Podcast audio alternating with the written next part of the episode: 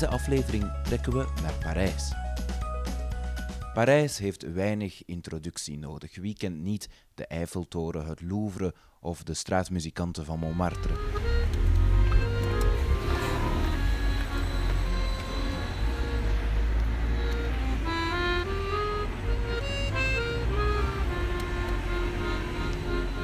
Maar tegelijkertijd is Parijs natuurlijk veel meer dan dat. Hoe vaak je er ook al geweest bent, de stad kan je blijven verrassen en verbazen. En daarom zocht ik Stefan de Vries op. Sinds 1999 woont hij in Parijs, waar hij journalist en correspondent is voor onder andere RTL Nieuws, de VRT en BBC Radio. Daarnaast schrijft hij veel over Parijs, waaronder ook een reisgids in zakformaat met onbekende plekken en bezienswaardigheden. In deze aflevering vertelt hij over zijn favoriete wijken, alternatieve musea en neemt hij ons mee naar een onbekende en fascinerende bezienswaardigheid in het hart van Parijs. Wat precies, dat hoor je later in de aflevering. Maar jammer genoeg likt de stad ook nog altijd haar wonden van de aanslagen. En ik ontmoette Stefan dus op een moeilijk moment in de Parijse geschiedenis. Ik woon hier al 17 eh, jaar en ik kwam hier naartoe vanwege de reden om hier te komen wonen was dat vrij, Parijs voor mij betekende vrijheid. In allerlei betekenissen van het woord. Ik bedoel, ja, Nederland is natuurlijk een heel vrij land, België ook. Maar hier is een soort van grandeur en, en een kwaliteit van het leven die niet echt bestond in Nederland toen ik wegging. Dat is wel heel erg veranderd. Maar, dus ik, ik kwam hier echt uit liefde voor Parijs. Nou, die liefde is eigenlijk afgelopen jaar eh, als sneeuw voor de zon verdwenen. Want um, niet per se door de aanslagen, maar wel door de reactie op de aanslagen en de manier waarop de overheid en de burgers eh, ermee omgaan. Dus uh, we leven nu al uh, meer, bijna een jaar onder de noodtoestand. Zal nog een tijd duren. Um, er zijn allerlei vrijheden beperkt. Mensen zijn bang. Uh, er is een enorme opkomst van xenofobie. Mensen hebben geen zelfvertrouwen meer. Het gaat ook nog eens slecht met de economie. Dus er zijn allerlei dingen die ja, die, die heel somber, uh, die mensen, mij in ieder geval heel somber maakt. En dat, is, dat is jammer, ja. En hoe gaan de Parijzenaars daar dan zelf mee om? Er zijn heel veel mensen in mijn omgeving, in die omgeving, die weg willen, van baan willen veranderen. Ik ken natuurlijk heel veel journalisten. Er zijn heel veel journalisten die ik ken, die hebben heel, net als ik, de afgelopen anderhalf jaar enorm hard gewerkt. Met, met allemaal hele negatieve en nare dingen.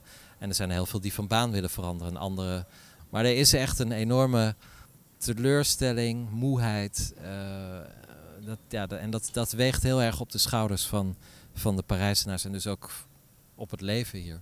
En uh, zou je zelf dan ook weg willen of zeg je van nee, ik blijf? Nou ja, ik, ik zou best weg willen. Ik zou wel naar een, een tijdje in een ander land willen wonen. Dat heb ik altijd al gewild. Want ik, ja, ik wil graag van dingen van de wereld zien en dan graag als bewoner of in ieder geval deelnemer, niet als simpele toerist. Maar uh, ja, het is nu wel een vraag die actueel is, omdat ik heb nu uh, een tweeling van twee. Uh, en ik heb niet zoveel zin om ze op te laten groeien in een hele negatieve omgeving. Dat is wel een enorm verschil dan met heel veel jaar geleden, denk ik. Toen dat je op je vijftiende hier toe kwam, ja. na een lange busrit. Ja. Um, want toen wist je meteen van hier moet ik wonen. Wat, ja, ja. wat was er precies dat je toen nou, zag aan Parijs en dat je dacht van ja, hier moet ik wonen? Ik, ik weet niet of ik de details later heb ingevuld, maar ik kan het me heel goed nog herinneren. Ik kwam met schoolreisje. Ik kom uit Middelburg, dus dat is eigenlijk niet zo ver hier vandaan. Uh, drie, 300 kilometer. Dus ja, dat gingen we met de bus, een week naar Parijs. En ja, toen ik de bus uitstapte, dat was in de Rue Rambuteau bij, bij de Centre Pompidou. Toen had ik meteen een gevoel van, ja, uh, dit is mijn stad. En ik weet niet waarom, maar het was een enorme... Het was allemaal heel groot. Uh, in die tijd, was 1985 of 86, 1986, had je natuurlijk geen internet. Heel weinig televisiezenders. Dus naar het buitenland gaan, ook al was het nog maar, maar 300 kilometer, was echt iets heel exotisch. Dus Frankrijk was ook exotisch in die tijd. Je had heel weinig mensen met telefoon bijvoorbeeld in die tijd. Dat weten mensen helemaal niet meer. Maar, um, en, of, of de wc's waren gaten in de grond. dat, uh, dat zie je heel soms nog wel eens op het platteland. Als je echt in een heel klein dorpje bent. Maar dat was hier zelfs in Parijs gewoon, dat was de norm. Dus er waren allemaal hele gekke dingen. En een, een taal die ik natuurlijk niet, uh, op dat moment niet echt sprak. Dus het was exotisch. En toen ik terugkwam zei ik tegen mijn vader van ja, ik, ik wil daar naartoe.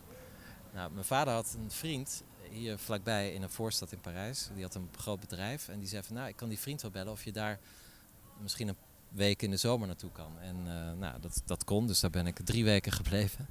En die man was heel aardig en die liet mij, ik was toen 15, liet mij eigenlijk, uh, die gaf me wel wat aanwijzingen, maar hij liet mij gewoon de stad verkennen. Die ja, bekommerde zich niet echt om mij, wel s'avonds met eten en zo. Maar, um, dus ik ben toen eigenlijk twee weken lang heb ik door de stad ge, ge, gedwaald. Gedwaald, ja, ja. En toen was ik 15 en en toen heb ik tijdens een van die dwalingen kwam ik een, een jongen tegen met zijn vriendin. Ik vroeg de weg, een Franse jongen en meisje. En, en uh, nou, die, die, ik sprak nog niet zo goed Frans, dus ze liepen met me mee om het uit te leggen. En die, dus ik sprak, raakte met de jongen aan de praat, was heel sympathiek. En uh, toen hebben we onze adressen uitgewisseld en, en dan ging je uh, met elkaar corresponderen. Hè. Er was nog geen e-mail. En uh, toen zijn we vrienden geworden. En toen ben ik eigenlijk een paar jaar lang, iedere zomer, kon ik, ben ik bij hem gaan logeren. En bij zijn ouders, hij woonde nog bij zijn ouders. Um, en zo heb ik eigenlijk de stad nog beter leren kennen. Hij woonde vlakbij Parijs, in de, in voorstad. En ja, eigenlijk wist ik al heel snel dat ik hier moest komen. En nou ja, na, na op mijn 28ste, toen ben ik uiteindelijk, uh, heb ik mijn koffers gepakt. Ja, in 99, 99 ja, ja. Dus ondertussen woon je dan eigenlijk al uh, eh, 17 jaar? Ja, ja zeker. Ver, verrast Parijs je nog dan?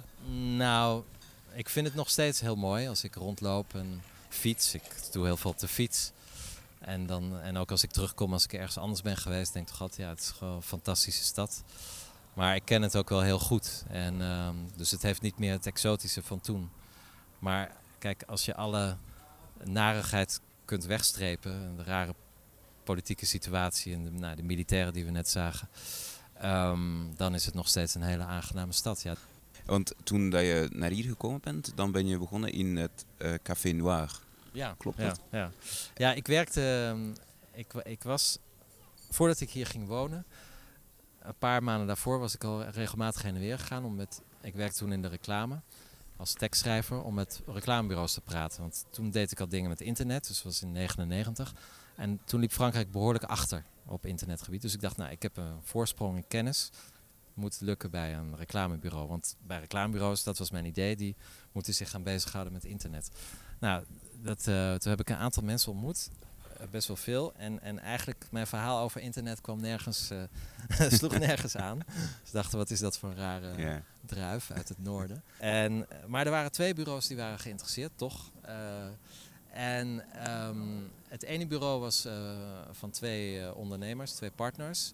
En de ene daarvan die geloofde heel erg in mijn verhaal. En ik want eigenlijk kwam op neer dat ik zei, ja, internet is de toekomst. Dat was, um, en de ander zei, Um, nee, daar geloof ik niks in. Dus ja, dat ging niet door. Dus nou ja, la, jaren later kwam ik diezelfde man tegen op een, op een, op een feestje. Toen zei hij, ja, toch, ik was dom hè, toen. ik had je gewoon aan moeten nemen. En, Maar er was een ander bureau en die zei, nou ja, ja, ja ik, ik, dat vind ik wel wat, de directeur. Dus die heeft mij een contract aangeboden van vier maanden. En toen ik uh, kwam hier in Parijs, toen op dat bureau, wist ik eigenlijk niet wat ik moest doen. Hij ook niet, want ja, internet was zo nieuw. En ik sprak niet zo goed Frans, dus het, dat klikte gewoon niet. En na vier maanden liep het contract af en ik, ik werd eruit gegooid. Maar ja, ik woonde inmiddels wel in Parijs, had een appartement, dus ik moest hier uh, ik moest geld verdienen. Dus toen ben ik in een café gaan werken, ah, Café ja. Noir. En, en, en uh, want je zei voor een jonge journalist bijvoorbeeld, is het fantastisch om in een ja. café te gaan werken. Wat, heeft, wat heeft die tijd in Café Noir je dan geleerd over Parijs en de Parijzen? Ja, nou, ik werkte toen ik in Amsterdam studeerde, werkte ik ook altijd al in, in de horeca, in de restaurants en cafés. En dat is gewoon een hele goede plek om mensen, de mens te leren kennen. Um, en dat is denk ik een, een, basisvoorwaarde voor een journalist, om mensen te leren kennen en ook nieuwsgierig te zijn. Toen ik in het Café Noir ging werken, sprak ik nog helemaal niet zo goed Frans. Maar als je barman bent, want het was een heel kleine bar, dan moet je wel, uh, ja, je moet de baas zijn. Hè? Dan, het was nogal een, bar die heel populair was bij het uitgangsleven. Dus ja, mensen waren best wel vaak dronken, dus dat kan soms lastige situatie opleveren. Dus als je dan niet de baas bent, als je de dingen niet in de hand houdt, dan, ja, dan gaat het mis. Ja. Maar ik merkte dat ik daar met mijn gebrekkige Frans, althans ik dacht dat het gebrekkig was, heel goed uit de voeten kwam. En uh, mensen verstonden mij heel goed. En daar ben ik eigenlijk mijn verlegenheid kwijt, kwijtgeraakt. Want dat is het belangrijkste, denk ik, bij het leren van een buitenlandse taal dat je gewoon durft te spreken. En ik was, toen ik hier kwam, durfde ik nog niet eens een baguette te bestellen bij de bakker. In dat café waar ik ongeveer een half jaar heb gewerkt, daar ben ik mijn verlegenheid kwijtgeraakt. Um, en dat was heel belangrijk, want dat heeft me later dus heel veel opgeleverd. Dat ik dacht van, nou ja, ze verstaan me toch wel. En, ja. en dan eh, op gebied van de, de Parijse mentaliteit en de, Parijse, de Parijzenaar zelf. Wat heb je daar, daar gezien? Nou, kijk, Parijzenaars hebben een slechte reputatie. Ze zijn, eh, mensen vinden ze onaardig of arrogant. En, eh, en, die, en vooral in de rest van Frankrijk heeft men een hekel aan Parijzenaars. En ik denk dat dat cliché ook over de landsgrenzen wel geldt. Maar dat heb ik nooit zo gevonden, want anders was ik hier nooit komen wonen. Ik, ik vond juist wat ik vergeleken met Nederland wel mooi vond, was dat er is hier veel meer, uh, men is hier beleefder. Er is ook veel meer afstand tussen mensen op de een of andere manier. Um, het is formeler. Formeler, ja. precies. En dat past bij mijn persoonlijkheid. Ik kan me goed voorstellen dat heel veel, vooral Nederlanders, uh, die natuurlijk heel informeel zijn, daar moeite mee hebben. Maar ik vond het juist wel fijn. En ik heb nooit een probleem gehad met de Parijzenaar. En ik denk dat ik er zelf ook wel één geworden ben. In de zin van, ja, ik houd ook wel wat van, van wat formeler en wat afstand. En Ja. maar wat me wel stoort, is dat er heel veel geklaagd wordt. En eh, dat kan ik ook goed. Maar het probleem met de Parijzenaars, of met de Fransen in het algemeen, is dat er wordt geklaagd, maar dan doen ze verder niks om een oplossing te vinden. Oplossing moet altijd van iemand anders komen. Ehm, Oké, en stel dat je dan nu Parijs zou verlaten of terug naar Ja. Nederland zou gaan of ergens anders in de wereld, wat zou je dan eigenlijk missen aan Parijs? Ik denk dat ik Parijs heel erg zal missen en dat ik ook eh, uiteindelijk toch wel weer terug zal komen. Maar ik denk dat ik het meeste mis is de. Ja, er is een soort gemoedelijkheid, maar die dus ook heel erg verdwenen is sinds de aanslagen. Zoals eh, in cafés met elkaar zitten praten of eten. Of, ehm, ja, kijk, het is, het is een wereldstad. In de, de regio telt 11 miljoen inwoners. Ja. Eh, de, de agglomeratie, dat is net zoveel als België. En je hebt toch, zoals wij hier nu zitten, op een heel lief, lieflijk pleintje met een fonteintje. En ja, mensen wandelen. Je hebt niet het idee dat je hier in een wereldstad zit. Nee, En, en zoals dit heb je heel veel hoekjes en buurtjes in Parijs. Waarbij, eh, waarbij het heel menselijk is. En, en dat, dat is iets wat ik zal missen. En ehm, het is ook een, in oppervlakte een kleine stad. Dus je kunt heel veel eh, doen op de fiets. Het is heel makkelijk. Ehm, en er is van alles. Alles is er in zo grote hoeveelheden. Er zijn hier net zoveel bioscoopzalen als in heel Nederland. En nu hoef je die niet allemaal bezoek, te bezoeken. Maar het idee dat het er is, dat, dat maakt mij al rustig. ja, dus dat zijn dingen die ik zal missen in, eh, in andere Ja. steden. Is Parijs te doen met de fiets eigenlijk? Want het verkeer is hier eh, nogal legendarisch. Dus eh, Ja, ik vind van wel, want ehm, ik fiets dus al eigenlijk sinds ik hier woon. En in het begin was ik een van de weinigen. Eh verklaarden ze me allemaal voor gek, maar nu is het heel normaal. En, en, en je hebt heel veel fietspaden, dat zijn eigenlijk busbanen. Eh, dus je deelt het met de bus, maar de buschauffeurs zijn heel oplettend met de fiets. Ik heb nooit een ongeluk gehad. Ja, ik vind het wel te doen. Je moet Ja. wel goed opletten. Maar het is in oppervlakte niet zo groot, dus je kan heel makkelijk van de ene plek naar de andere plek fietsen. En het is heel, eh, het, is, het is sneller dan de metro. En je ziet nog eens wat. In het begin verdwaalde ik veel op de fiets. Nou ja, dan ontdek je ook natuurlijk veel dingen.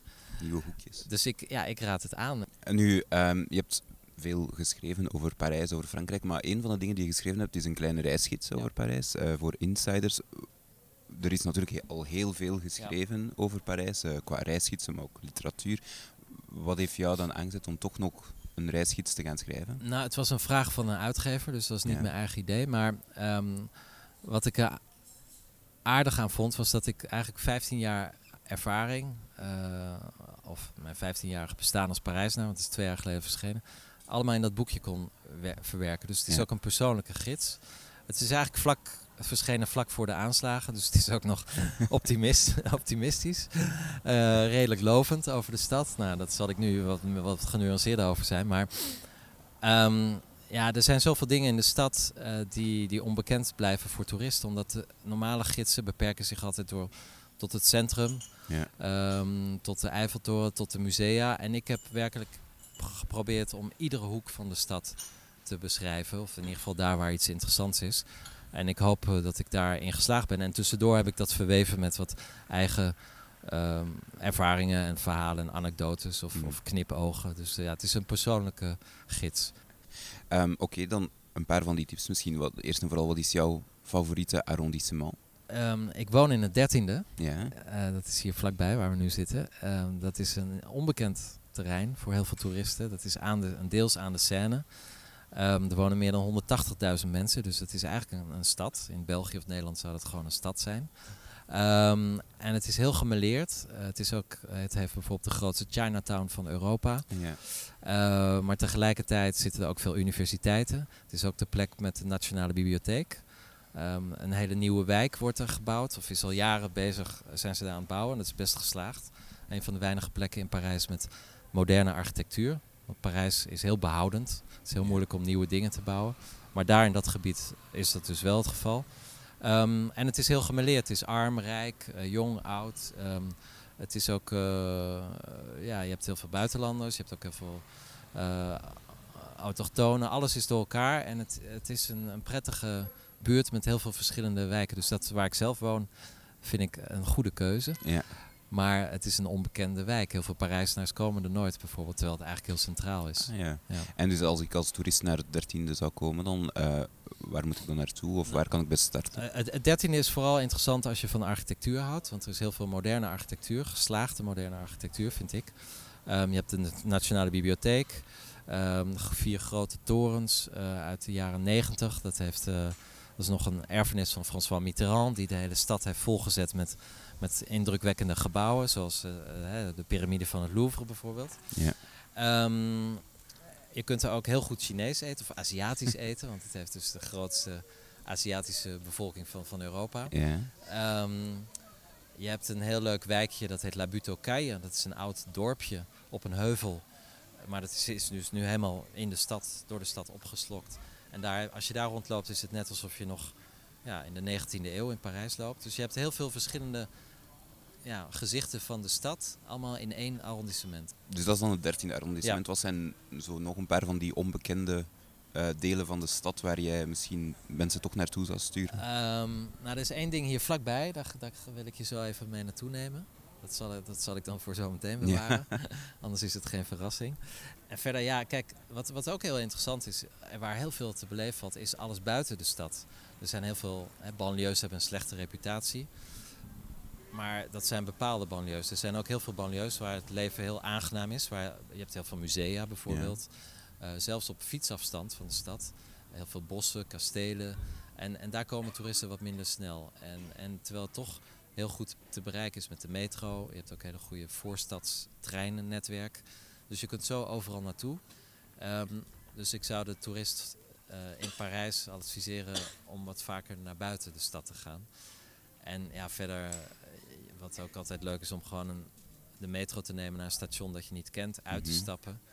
En daar gewoon rond te wandelen, want er is overal wel iets te zien. Ja. ja. Er zijn er dan ook zo plekjes waar dat jij um, bezoekers die Parijs niet kennen en die hier uh, langskomen, standaard mee naartoe neemt? Of dat je denkt van, dat moet je zeker gezien hebben? Ik, ik vind zelf, het is een cliché, maar je moet eigenlijk beginnen met de Eiffeltoren. Want ten eerste is dat een, het blijft een fascinerend gebouw. Ja. Volslagen nutteloos en daarom dus geweldig. Uh, maar ook omdat je boven in de Eiffeltoren heb je heel mooi overzicht over de stad. En dan zie je eigenlijk hoe uh, immens het, hè, de stad is, de agglomeratie. En tegelijkertijd hoe dicht bebouwd. Want Ja. Parijs is een van de dichtstbevolkte steden ter wereld. Ehm, dus dat is altijd een goed begin. Ehm, en daarna, ja, er zijn heel veel plekken waar je naartoe kunt lopen. Ehm, eh, kleine musea die onbekend zijn. Mhm. Het, is, eh, het, het gaat nooit vervelen eigenlijk. En wat zijn, wat zijn bijvoorbeeld van die kleine onbekende musea? Ehm, je hebt in het elfde of in het tiende in een, in een, hot, in, in een, ehm, in een ziekenhuis een, een, ehm, een museum van, eh, van eh, hoe heet dat? Eh, protheses. Dus dat zijn. Ah, ja.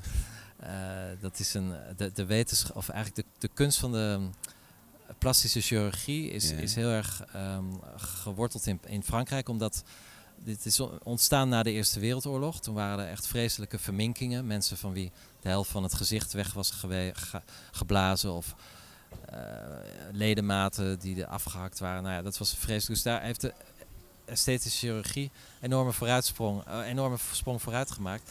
En in dat museum zie je dus ook op sterk water soms met mensen met hele rare afwijkingen, maar ook Ah, de- oplossingen. volledige mensen? Of, nou, of dat niet, maar stukjes? ledematen. Of, eh, eh, ja, het is luguber, maar ik Ja. vind het fascinerend. En trouwens, mensen, hele volledige mensen, is in een ander museum.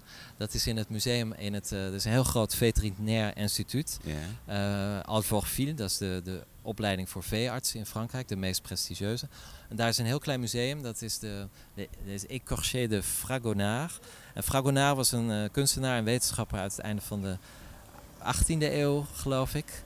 Begin 19e eeuw, die ehm, dieren op eh, ja, eh, balsemde eigenlijk. En, Mhm. maar ook mensen. En Ja. die zijn nog steeds bewaard. Dat was met was, werd ingespoten met een speciaal soort was.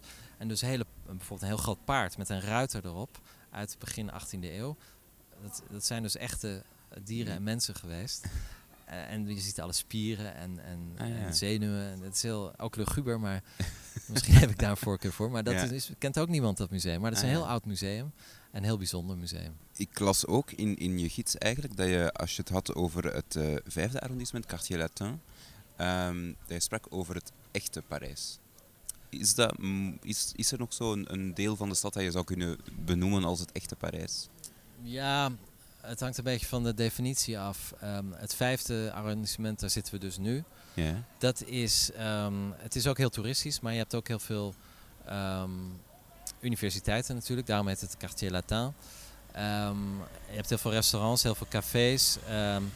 Het, is, het is een goede mix tussen eh, mensen die gewoon hier leven en werken en studeren. En toeristen. Eh, je hebt stukjes waar het nog heel rustig is. En Mhm. eh, waar, je, ja, waar je soms in de middeleeuwen waant. Want het is ook een van de oudste delen van Parijs. Het Ja. is Parijs bijna hier ontstaan. Trouwens, de straat waar we nu aan zitten, Rue Mouffetard, is een oude Romeinse weg. Ah ja. Dus eh, het is een van de. dat is eigenlijk, die wordt later wordt deze Rue Mouffetard heet Avenue d'Italie. Mhm. En dat is de weg die naar Italië liep voor de Romeinen. Ja. Dus het is, nou, daar zitten we gewoon nu aan. Ja. Iets verder hierachter is, is nog een heel groot deel bewaard gebleven van de oude stadsmuur van de, uit de 12e eeuw, die heel Ja. de stad om, omcirkelde. En, en ja, net aan de overkant van het pleintje is een huis waar Hemingway woonde. Ah ja. Dus eh, ja, bij iedere straatsteen kan je wel een geschiedenis, een verhaal vertellen. En, Ja. en dat door de eeuwen heen. En dat, dat bedoel ik eigenlijk met het echte Parijs. Dat, eh, En stel dan dat je wil ontsnappen aan, aan Parijs en aan de, de, de drukte van de Ja. stad, waar ga je dan naartoe? dat is ook een mooi eh, iets van Parijs. Het wemelt hier van de parken. En eh, waar ik woon, vlakbij is ook een heel groot park waar ik vaak naartoe ga. Je hebt natuurlijk Jardin Luxembourg, wat hier Ja. niet zo ver vandaan is. En je hebt ook Jardin des Plantes. Dat is een heel mooi groot park met allerlei musea eromheen. Ehm, en een kleine dierentuin, de oudste dierentuin eh, ter wereld, geloof ik. En die is nog altijd... Die is nog, bestaat nog Ja. altijd. Er zijn veel minder dieren, maar eh, die is nog altijd te bezichtigen. Ah, ja. Eh, dat is eigenlijk de oude dierenverzameling van de koningen. En Ah, die, ja. die gingen dan En dus zijn nu nog altijd de nakomelingen van die dieren. ja, ja. nou ja. niet, eigenlijk niet, want in 1871 was Parijs eh, onder beleg, was de. Pruisisch-Russische oorlog, dus de hele stad was afgesloten, was in de winter. En er was dus niks meer te eten. En toen zijn de dieren die in die dierentuin waren geserveerd door restaurants. Dus het, het oud en nieuwmaal van een heel beroemd restaurant hier vlakbij op 31 december 1871 was onder andere olifant, eh, giraf, ja. eh, dat soort dingen. Dus al die dieren zijn opgegeten. Ehm, dus het zijn, het zijn nieuwe dieren. Ja. Maar het is een dierentuin sinds 1780, denk ik, of zo. Ja, en dat is dus ook een fijn park. Met, eh, met een hortus botanicus en ja, ouderwetse musea, zoals je die, eh, zo, waar je kuifje tegen kan komen met skeletten van dinosauriërs. Allemaal heel ouderwets, maar daardoor eigenlijk heel, heel aangenaam. Ja. Ja. En wat ik ook interessant vond, was in, in, in je gids spreek je over eh, Parijs en film. Ehm, Ja. want dat is natuurlijk een, een, een, een belangrijke band tussen die twee. Eh, zou je mensen aanraden om naar de film te gaan als ze naar Parijs komen? Absoluut, absoluut. Ja, Parijs, de film is hier natuurlijk uitgevonden. Het is een Franse uitvinding. En de eerste bioscopen was, waren ook in Parijs. En ik zei net al, ja, eh, Parijs kent meer bioscoopzalen dan, dan Nederland, of ongeveer net zoveel. Film is hier heel belangrijk in het dagelijks leven ook. Als, je, als er een nieuwe film, de films gaan hier op woensdag in première. Heel vaak is de, een, re- een, een regisseur van zo'n film dan te gast in het acht uur nieuws van de grootste tv-zenders. Ja. Ehm, iedereen heeft het hier over. Heb je nog een nieuwe film gezien? Dat is een hele normale vraag. Ah, ja. Hoe gaat het met je? wat heb je vandaag gegeten? En wat is de laatste film? Dus dat is hier heel belangrijk. En er zijn natuurlijk heel veel films hier opgenomen. Ja. Ehm, dus het is, film is heel belangrijk. Dus als je Parijs wil, eh, de sfeer van Parijs wil opsnuiven, dan moet je wel naar de film. En eigenlijk het liefst hier in dit, dit, deze wijk, het vijfde, want je hebt hier heel veel oude bioscoopjes die heel vaak hele oude films laten zien. En, of retrospectieven, als bijvoorbeeld een nieuwe film van Woody Allen uit is, ehm, die hier heel populair is in Frankrijk. Dan heb je altijd wel een, bioscoopje die dan al zijn films laat zien.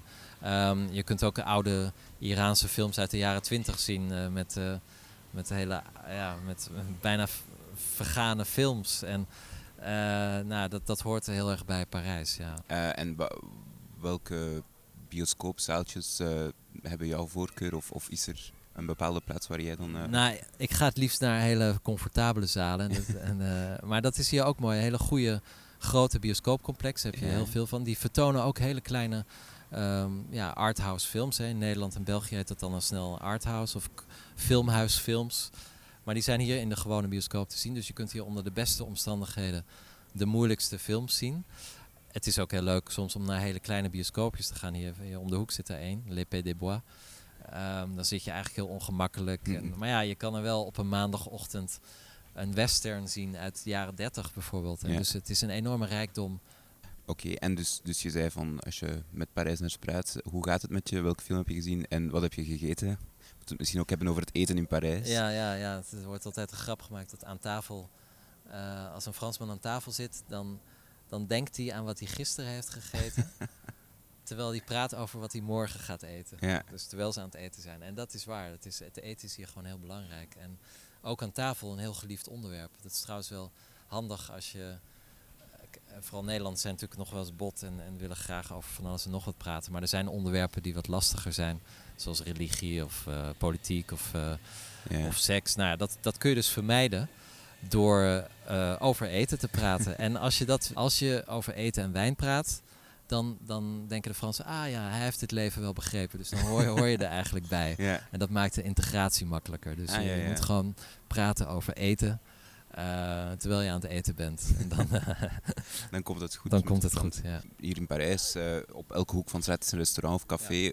Hoe vind ik mijn weg daarin, in al die, in die wirwar van restaurants of cafés? Ja, nou, tegenwoordig heb je natuurlijk allerlei apps waarbij je best een ja, goed idee kan krijgen wat lekker is en wat niet.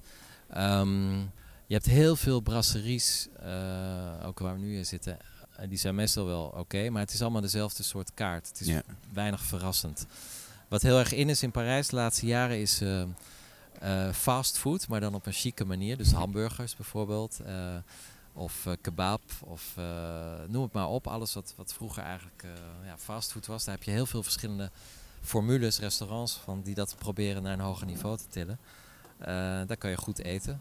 Uh, Maar eigenlijk kun je overal wel goed eten. Maar als je verrast wil worden, ja, dan moet je toch naar de wat modernere plekken. Dit is niet in een brasserie, want die hebben altijd steak tartare. Uh, ja, noem het maar op. Altijd hetzelfde, hetzelfde gerechten. Is er zoiets als de typische Parijse keuken?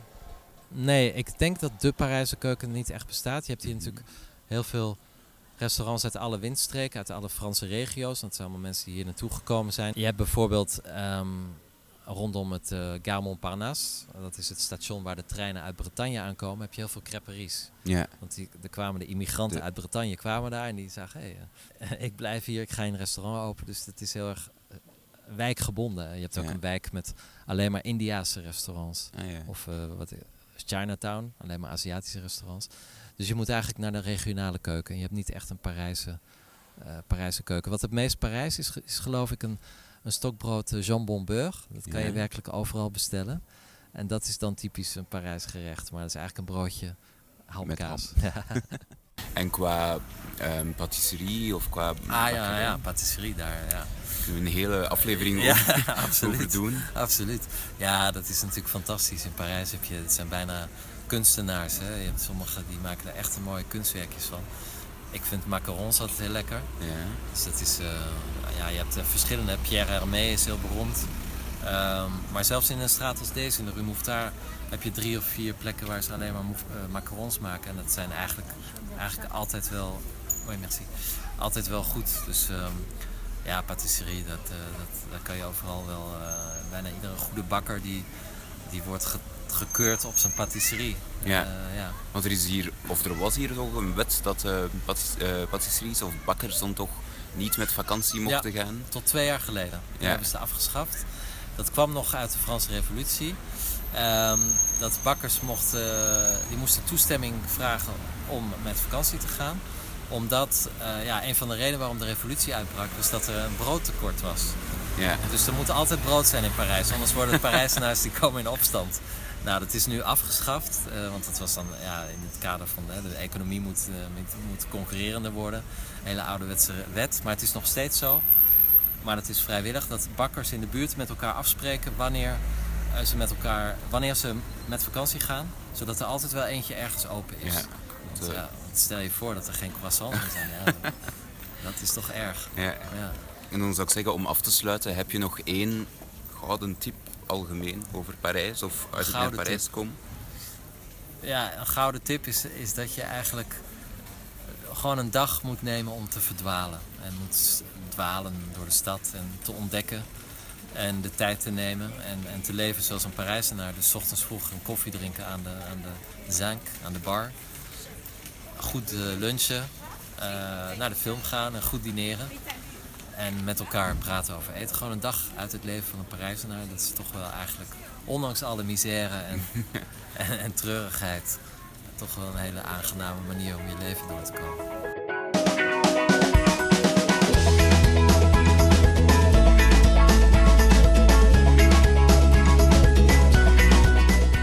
En zoals beloofd wilde Stefan me na het interview nog een klein stukje onbekend Parijs tonen. We wandelden vanuit de Rue Mouffetard, voorbij het huis van Ernest Hemingway, naar een kleine doorgang in de Rue Monge. Oké, we staan hier nu voor nummer 49 in de Rue Mons. En dat is gewoon een entree, zoals alle andere entrees van die grote gebouwen. Ja, En daar lopen we even doorheen. door. Een paar passen is het eigenlijk maar. En ja, dan staan we ineens eh, in, eh, in het Parijs van 2000 jaar geleden. Wauw. Romeinen. Dus dit was de arena van Parijs. Dus eh, ja, ik weet niet, je hebt natuurlijk wel de film Gladiator gezien. Ja, Maar waar we nu lopen, daar waren de gladiatoren.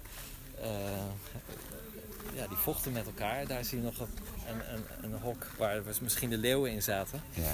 Hoewel ik niet weet of er echt van dat soort gevechten plaatsvonden. Het was meer een theater. Er konden 20.000 mensen in. En we kijken nu naar, dit was de, de bühne, dus de, de, het toneel. En dat was heel hoog. ja. En er waren niches in. En door die niches had het een hele goede akoestiek. Dus de, de acteurs die stonden daar. En ja, dan kon iedereen het verstaan, 20.000 man. Ehm, dus dit was de, de arena van Lutes, Lu- Lutetia, zoals de stad heette.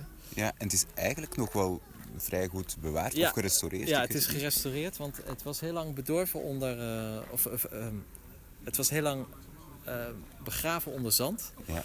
En omdat Haussmann dus eind eh 19e eeuw de stad ging eh, ja, herbouwen eigenlijk... eh, werd, werd ook hier werden, werd de liniaal getrokken. En, en hier was een garage voor een bus, voor, voor bussen, voor Mhm. paardenbussen. En toen werd er, werden opgraving gedaan en ineens kwam dit tevoorschijn. En dat wilden ze afbreken. En toen heeft Victor Hugo, de beroemde schrijver, die heeft Ja.